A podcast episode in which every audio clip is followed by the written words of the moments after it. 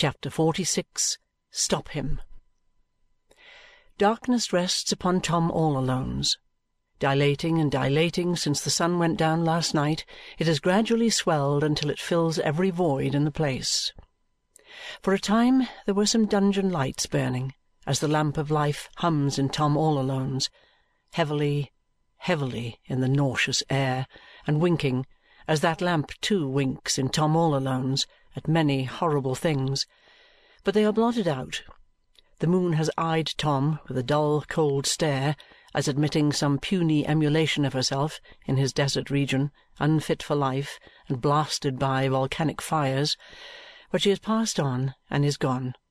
The blackest nightmare in the infernal stables grazes on Tom all Alone's, and Tom is fast asleep. Much mighty speech-making there has been, both in and out of Parliament, concerning Tom, and much wrathful disputation how Tom should be got right.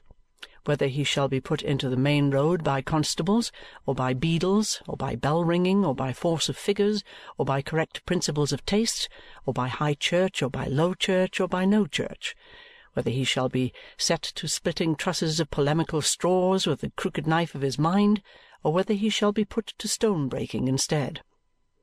In the midst of which dust and noise there is but one thing perfectly clear, to wit, that Tom only may and can, or shall and will, be reclaimed according to somebody's theory but nobody's practice. And in the hopeful meantime Tom goes to perdition head foremost in his old determined spirit. But he has his revenge. Even the winds are his messengers and they serve him in these hours of darkness. There is not a drop of Tom's corrupted blood but propagates infection and contagion somewhere. It shall pollute, this very night, the choice stream in which chemists on analysis would find the genuine nobility of a Norman house, and his Grace shall not be able to say nay to the infamous alliance. There is not an atom of Tom's slime, not a cubic inch of any pestilential gas in which he lives, not one obscenity or degradation about him, not an ignorance, not a wickedness, not a brutality of his committing, but shall work its retribution through every order of society, up to the proudest of the proud and to the highest of the high. Verily, what with tainting, plundering, and spoiling, Tom has his revenge. It is a moot point whether Tom all Alone's be uglier by day or by night but on the argument that the more that is seen of it the more shocking it must be, and that no part of it left to the imagination is at all likely to be made so bad as the reality, day carries it. The day begins to break now, and in truth it might be better for the national glory even that the sun should sometimes set upon the British dominions than that it should ever rise upon so vile a wonder as Tom. A brown sunburnt gentleman, who appears in some inaptitude for sleep to be wandering abroad rather than counting the hours on a restless pillow, strolls hitherward at this quiet time. Attracted by curiosity, he often pauses and looks about him, up and down the miserable byways. Nor is he merely curious, for in his bright dark eye there is compassionate interest, and as he looks here and there, he seems to understand such wretchedness and to have studied it before. On the banks of the stagnant channel of mud which is the main street of Tom all Alone's, nothing is to be seen but the crazy houses, shut up and silent. No waking creature, save himself, appears except in one direction, where he sees the solitary figure of a woman sitting on a doorstep. He walks that way. Approaching, he observes that she has journeyed a long distance and is footsore and travel-stained. She sits on the doorstep in the manner of one who is waiting with her elbow on her knee and her head upon her hand. Beside her is a canvas bag or bundle she has carried. She is dozing probably, for she gives no heed to his steps as he comes towards her. The broken footway is so narrow that when Allan Woodcourt comes to where the woman sits, he has to turn into the road to pass her. Looking down at her face, his eye meets hers, and he stops. "What is the matter?" "Nothing, sir. Can't you make them hear? Do you want to be let in?" "I'm waiting till they get up at another house, a lodging-house, not here," the woman patiently returns. "I'm waiting here because there will be sun here presently to warm me." I am afraid you are tired. I am sorry to see you sitting in the street. Thank you, sir. It don't matter. A habit in him of speaking to the poor and of avoiding patronage or condescension or childishness, which is the favourite device many people deem it quite a subtlety to talk to them like little spelling books, has put him on good terms with the woman easily. "Let me look at your forehead," he says, bending down. "I am a doctor. Don't be afraid. I wouldn't hurt you for the world." He knows that by touching her with his skilful and accustomed hand he can soothe her yet more readily. She makes a slight objection, saying, "It's nothing." But he has scarcely laid his fingers on the wounded place when she lifts it up to the light. Aye, a bad bruise and the skin sadly broken. This must be very sore.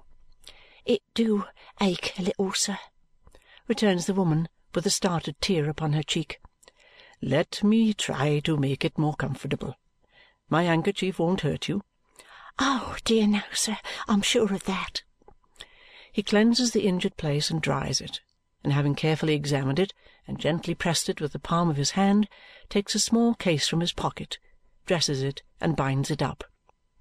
While he is thus employed, he says, after laughing at his establishing a surgery in the street, "And so your husband is a brickmaker?"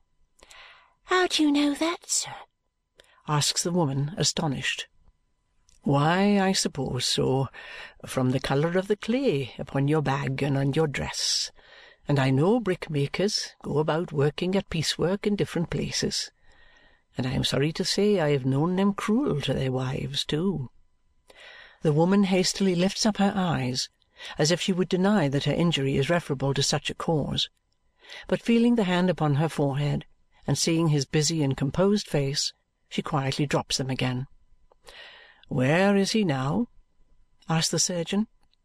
He got into trouble last night, sir, but he'll look for me at the lodging-house. He will get into worse trouble if he often misuses his large and heavy hand as he has misused it here.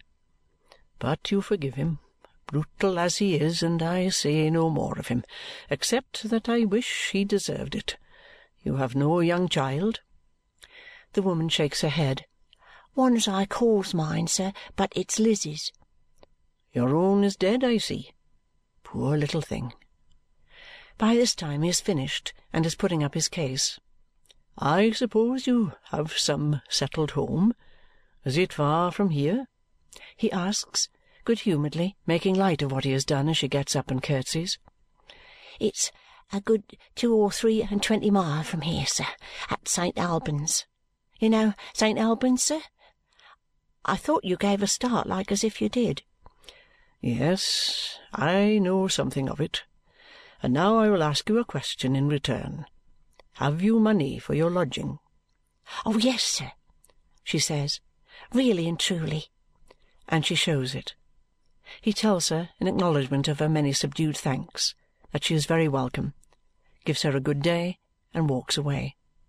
Tom all Alone's is still asleep, and nothing is astir. Yes, something is.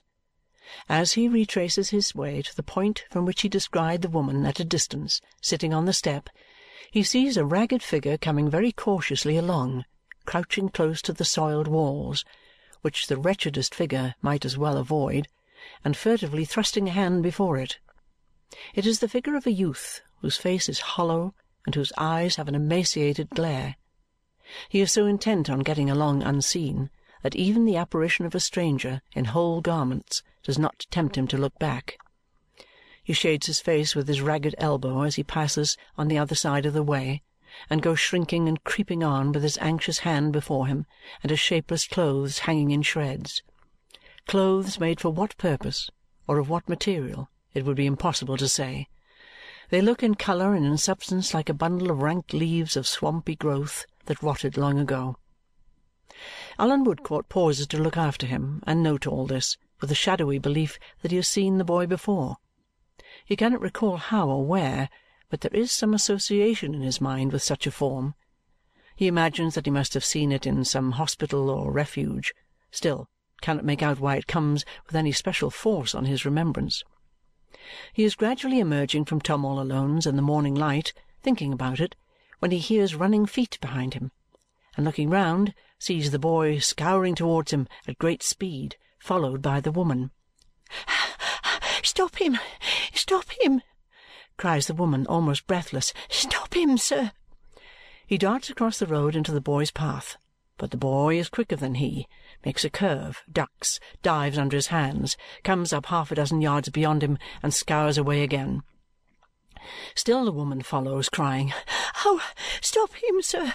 Pray stop him!" Allan, not knowing but that he has just robbed her of her money, follows in chase and runs so hard that he runs the boy down a dozen times, but each time he repeats the curve, the duck, the dive, and scours away again. To strike at him on any of these occasions would be to fell and disable him, but the pursuer cannot resolve to do that, and so the grimly ridiculous pursuit continues. At last the fugitive, hard pressed, takes to a narrow passage and a court which has no thoroughfare.